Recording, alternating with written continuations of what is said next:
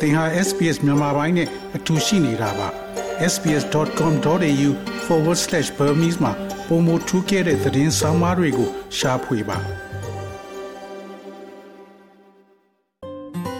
SBS မြန်မာပိုင်းကို အင်ကာနဲ့စနေနေ့ည10:00နာရီမှနားဆင်နိုင်တယ်လို့အွန်လိုင်းကနေလည်းအချိန်မီနားဆင်နိုင်ပါပြီ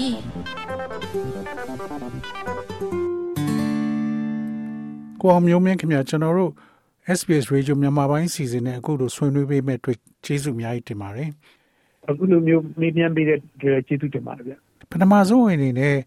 ကိုအောင်မျိုးမင်းကအခုလောလောဆယ် NUG အစိုးရမှာ Human Rights ဝန်ကြီးအနေနဲ့တာဝန်ထမ်းဆောင်နေရလို့သိရပါတယ်အဲ့ဒါနဲ့ပတ်သက်ပြီးသောတာရှင်တို့နည်းနည်းရှင်းပြပေးပါခင်ဗျာဟုတ်ပါတယ်ကျွန်တော်ကတော့အမျိုးသားညီညွတ်ရေးဆိုရလူခွေဆိုင်ရာပြည်တော်စုဝန်ကြီးဖြစ် တာဝန်ပေးရခြင်းခံရပါတယ်ဒီဝန်ကြီးဌာနကတော့ကျွန်တော်တို့မြန်မာနိုင်ငံသမိုင်းမှာရောအရှိတောင်အာရှနိုင်ငံတွေမှာရောဒါလူခွင့်ရေးကို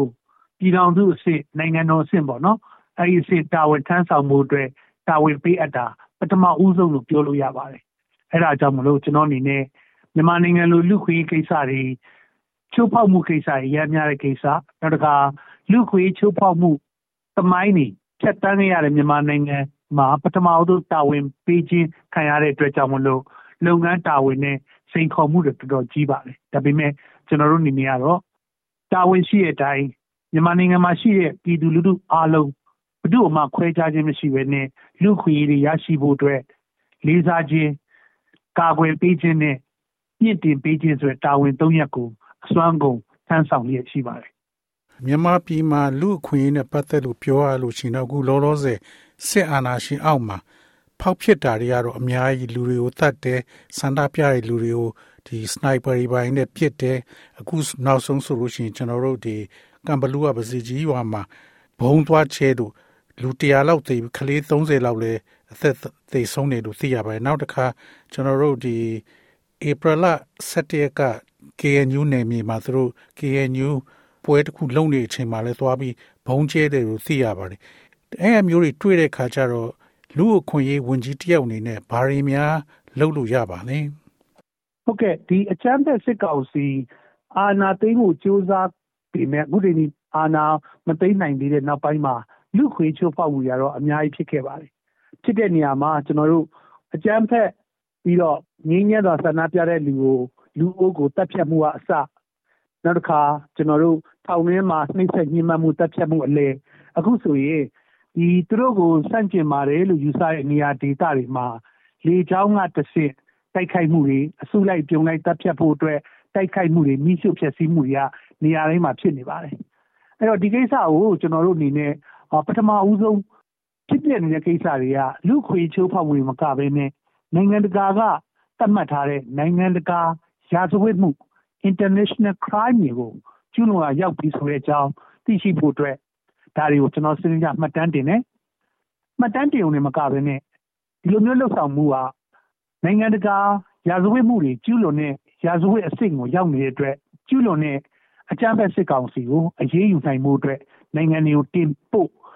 ပေးပို့ပြီးတော့အရေးယူဖော်ဆောင်နိုင်မှုအတွက်လှုံ့ဆော်လျက်ရှိပါတယ်။ဘာကြောင့်လဲဆိုတော့မြန်မာနိုင်ငံမှာလက်ရှိအခြေအနေတရားရုံးမှာ တွားပြီးတော့တိုင်ကြားဖို့အတွက်တရားရုံးတွေလည်းတကယ်ကိုတရားစီမှုကအောက်ဆုံးကိုရောက်နေပါပြီ။မတရား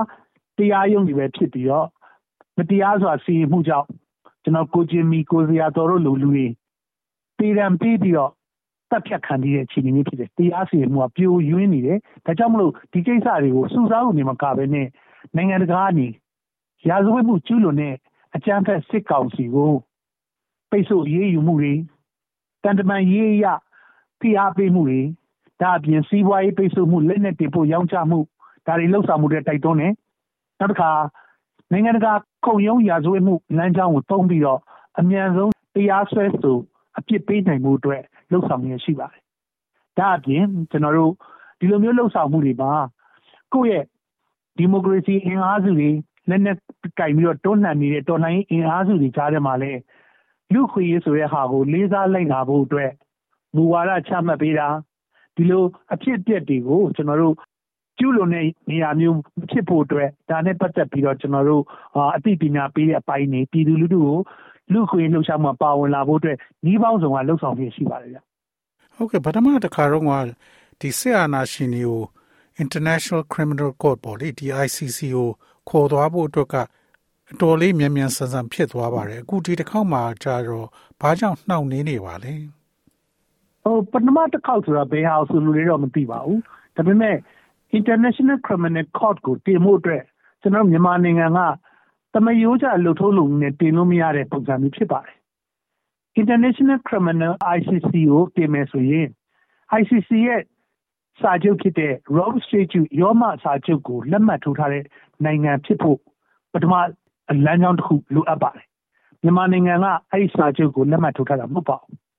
နောက်ထပ်တနည်းကတော့ဒုတိယနည်းကတော့တကယ်လို့များလုံခြုံရေးကောင်စီကနေဒီကိစ္စဒီနိုင်ငံမှာဖြစ်ပျက်နေတဲ့ကိစ္စကနိုင်ငံတကာရာဇဝတ်မှုမြောက်နေပြီဒါကြောင့်မလို့ကျူးလွန်တဲ့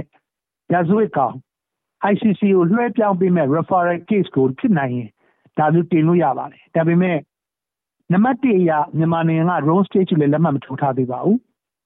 နောက်တစ်ခုဒုတိယနည်းဖြစ်တဲ့လုံခြုံရေးကောင်စီကနေလွှဲပြောင်းပေးရမယ်ဆိုရင်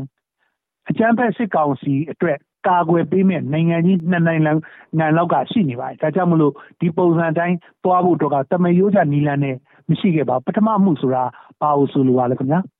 အဲ့ဒေါအောင်ဆန်းစုကြည်အစိုးရလက်ထက်တုန်းကဒီရိုဟင်ဂျာကိစ္စတွေနဲ့ပတ်သက်ပြီးတော့စစ်အာဏာရှင်ကို ICC ကတရားစွဲပါတယ်အဲ့ ဒေါအောင်ဆန်းစုကြည်ကအဲ့တော့ကသူကအစိုးရဖြစ်နေတော့ဒီစစ်တက်နေတဲ့သူကညှိနှိုင်းပြီးအလုံးလုံးနေရအချိန်ဆိုတော့ဒေါအောင်ဆန်းစုကြည်က ICC မှာသွားပြီးတော့ကာကွယ်ပြီးပြောပေးရပါတယ်အဲအကြောင်းနဲ့ဒေါ်စုအတော်များများပြစ်တင်ရှုံချတာရှိခဲ့ပါတယ်အဲအကိုကျွန်တော်ဆိုလိုတာပါဟုတ်ကဲ့ပါဒီဟာကတော့တော်တော်များများမှားလိမှားတတ်ရှိတဲ့ကိစ္စတစ်ခုဖြစ်ပါတယ် ICJ ဆိုတာ International Court of Justice ပါအဲ့ဒါတော့ကုလသမဂ္ဂမှာဖွဲ့စည်းတူထောင်ထားတဲ့ နိုင်ငံတစ်ခုနဲ့တစ်ခုကြားမှာ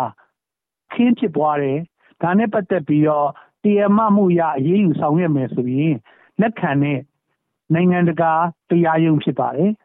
ခုနပြောတဲ့ ICC ဆိုတာကတော့ရာဇဝတ်မှုကျူးလွန်တဲ့ရာဇဝတ်ကောင်ကိုကျွန်တော်တို့အရေးယူတာဖြစ်ပါတယ်အဲ့တော့ဟုတ်ပါတယ်အရင်တုန်းက ICJ ဆိုတာကတော့ဒီဂမ်ဘီယာကနေကျွန်တော်တို့မြန်မာနိုင်ငံမှာရိုဟင်ဂျာတွေပေါ်လူမျိုးတုံးတက်ဖြတ်မှု ဖြစ်ပါတယ်ဆိုတဲ့အမှုနဲ့နိုင်ငံတစ်ခုကိုတစ်ခုကကျွန်တော်တို့တရားစွဲဆိုတာဖြစ်ပါတယ်တရားရုံးမှာ ICJ လို့ခေါ်တဲ့ International Court of Justice မှာအမှုဖွင့်ပြီးတော့တရားစွဲဆိုပါတယ်အဲ့ဒါကိုဒေါ်အောင်ဆန်းစုကြည်အနေနဲ့နိုင်ငံကိုကိုစားပြုပြီးဒီကိစ္စကိုတွားပြီးတော့တရားရင်ဆိုင်တာဖြစ်ပါတယ်တရားရုံးနှစ်ခုလည်းမတူသလိုဟိုပုံစံလည်းမတူပါဘူးခင်ဗျ ICJ ကနိုင်ငံတစ်ခုကနေနိုင်ငံတစ်ခုကိုတရားစွဲဆိုပြီးတော့ တရားမလမ်းကြောင်းရဖြည့်ရှင်းတာဖြစ်ပါတယ် ICC ကတော့ရာဇဝတ်မှုကျူးလွန်တဲ့ရာဇဝတ်ကောင်ကိုတရားစွဲဆိုပြီးတော့ရာဇဝတ်မှုထုံထမ်းစင်လာအတိုင်းဖန်ဆီးအရေးယူတဲ့တရားရုံးဖြစ်ပါတယ်ဟုတ်ကဲ့ကျွန်တော်အခုလောလောဆယ်မှာတော့ဒီအာဆီယံထဲမှာမလေးရှားနိုင်ငံခြားရေးဝန်ကြီးကလည်းဒီမြန်မာဆီယာနာရှင်နဲ့ပတ်သက်ပြီးသူပြောဆိုတာရှိပါတယ်အခုပြီးခဲ့တဲ့တရက်နေ့မှာလည်း ဒီအင်ဒိုနီးရှားသမ္မတဂျိုကိုဗီကအခုလောလောဆယ်ကမ်ဘလူပစကြီးကျေးရွာမှာဘုံကျဲမှုနဲ့ပတ်သက်ပြီးသူလည်းမြန်မာစစ်အာဏာရှင်ကိုရှုံချပြောထားတယ်ရှိပါတယ်အဲ့တော့ဒီအာဆီယံအနေနဲ့ရောမြန်မာစစ်အာဏာရှင်ပေါ်မှာသူတို့စိတ်ပြောင်းလာမယ်လို့ထင်ပါလားအာဆီယံကတော့ဆက်စချင်းကျွန်တော်တို့ဒီအာဏာသိမ်းဖို့ကြိုးစားခဲ့တဲ့ကာလအတွင်းမှာလည်းမြန်မာနိုင်ငံနဲ့ပတ်သက်လို့အရင်တော့လှုပ်ထုံးလုံကြီးမဟုတ်ခဲ့တဲ့အစ်စ်တွေကိုတော့ချိုးဖောက်ပြီးတော့လှုပ်ဆောင်နေတာတွေ့ပါတယ်။ ဘာကြောင့်လဲဆိုတော့အရင်တော့မြန်မာနိုင်ငံကိစ္စကိုသူတို့ပြည်တွင်းရေးဆိုပြီးတော့တိတိကျကျဝင်ရောက်ပြီးတော့ပြောဆိုတာမျိုးတိတ်မရှိပါဘူး။ဒါပေမဲ့အခုချိန်ထိအာဆီယံ summit မှာမြန်မာပြည်အကြမ်းဖက်စစ်အာဏာရှင်တွေရဲ့တက်ရောက်ခွင့်ကိုသူတို့ခွင့်မပြုထားဘူး။ဒါကအာဆီယံအတွင်းမှာတကယ်ထူးခြားတဲ့တစ်ခုတစ်ခုပါ။နောက်ပိုင်းမှာမြန်မာအရေးကိုလှုပ်ဆောင်မှုအတွက်ကြိုးပမ်းရင်းနဲ့အခြေခံမူ၅ချက်ချမှတ်ပြီးတော့သဘောတူချက်ချမှတ်ပြီးလှုပ်ဆောင်နေပါတယ်။ အဲ့တော့ဒီအဆင့်ကတော့ကျွန်တော်တို့မြန်မာသမိုင်းကအာဆီယံမှာထင်ရှားအောင်ဖြစ်လာခဲ့တဲ့တစ်ခုဖြစ်ပါတယ်။ဒါပေမဲ့ပြည်စုံလုံလောက်မှုမရှိပါဘူး။အာဆီယံသွားနေတဲ့ပုံစံတိုင်းသွားနေလေလေအကြမ်းဖက်စစ်ကောင်စီကခရီးမဆိုင်လေလေဖြစ်ပါတယ်အဲဒါကြောင့်မလို့ကျွန်တော်တို့အာဆီယံကိုဒီကပူလုပ်ဖို့အတွက်တောင်းဆိုခဲ့ပါတယ်အခုကျွန်တော်တို့ဖြစ်ခဲ့တဲ့ကမ်ဘလူမှာဖြစ်ခဲ့တဲ့လူတက်မှုမှာအာဆီယံကတူတူချာချာဒါကိုပြင်းထန်ရှုံချတဲ့အဆင့်ကြီးရောက်လာပါတယ်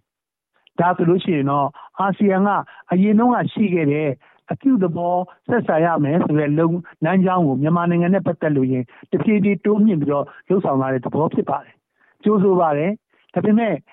ကျွန်တော်မြန်မာနိုင်ငံရေးကကြေကွဲဝမ်းနေပါတယ်ဆိုတဲ့ရှုံချယုံနဲ့ရတဲ့ဟာမျိုးမဟုတ်ပါဘူး။အာဆီယံအနေနဲ့နိုင်ငံတကာနဲ့ဒီကုလသမဂ္ဂအနေအာဆီယံကဥဆောင်ပြီးတော့လှုပ်ဆောင်မှာဆိုတဲ့ လုပ်ငန်းစဉ်ကိုတိတက်ပြီးတော့လှုပ်ဆောင်ဖို့လိုအပ်ပါတယ်။ရှုံးချတဲ့အရာကိုလက်ခံတယ်ဒါပေမဲ့ဒီလောက်နဲ့မတင်းတိမ်မဲနဲ့ဒီလိုမျိုးဖြစ်နေတာကိုအမြန်ဆုံးရပ်တန့်နိုင်တဲ့နီလန်းတွေကိုတခြားနိုင်ငံတကာနဲ့ပူးပေါင်းဆောင်ရွက်ပြီးတော့ပို့ပြီးဖိဖိစီးစီးနဲ့လုပ်ဖို့ဒါကိုကျွန်တော်တို့တိုက်တွန်းလိုပါတယ်။ဘာကြောင့်လဲဆိုတော့အခုဆိုရင်ကျွန်တော်တို့အာဆီယံကမူငါးချက်ချပြီးတော့လှုပ်ဆောင်နေတာကျွန်တော်တို့ဒါတစ်နှစ်ကျော်ရှိခဲ့ပါပြီ။ဘာမှရလက်လည်းမရှိဘူး။အချမ်းဘက်စစ်ကောင်စီက ဒါကိုလိုက်ရောတာလည်းမရှိဘူးနားထောင်တာလည်းမရှိဘူးအခုဆိုပို့ပြီးတော့စိုးရလာတဲ့အဆင့်တွေဖြစ်တဲ့အတွက်အရင်တုန်းကပုံစံထက်ပုံမူတိကျပုံမူပြတ်သားပြီးတော့အောင်မြင်မှုအမှန်တကယ်ပေါ်ဆောင်နိုင်မဲ့နီးလန်းတွေကိုတကဘာလုံးနဲ့ပူးပေါင်းဆောင်ရွက်ပြီးတက်ပြီးတော့အဆင့်မြင့်ပြီးတော့လှုပ်ဆောင်ဖို့လိုအပ်ပါပြီ sbs.com.au/bemis ကို home နေရာမှာထားပြီးတော့အမြဲတမ်းနှားဆင်နိုင်ပါတယ်။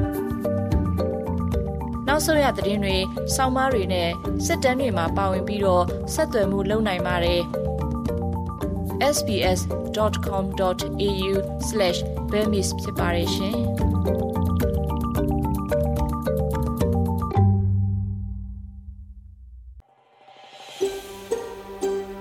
ဒါမျိုးသတင်းဆောင်မာတွေကိုပိုနားဆင်လိုပါလား Apple Podcast Google Podcast Spotify တို့မှာသင်ပင်ရာဖြစ်ဖြစ်ရယူတဲ့ podcast कहानी के बाद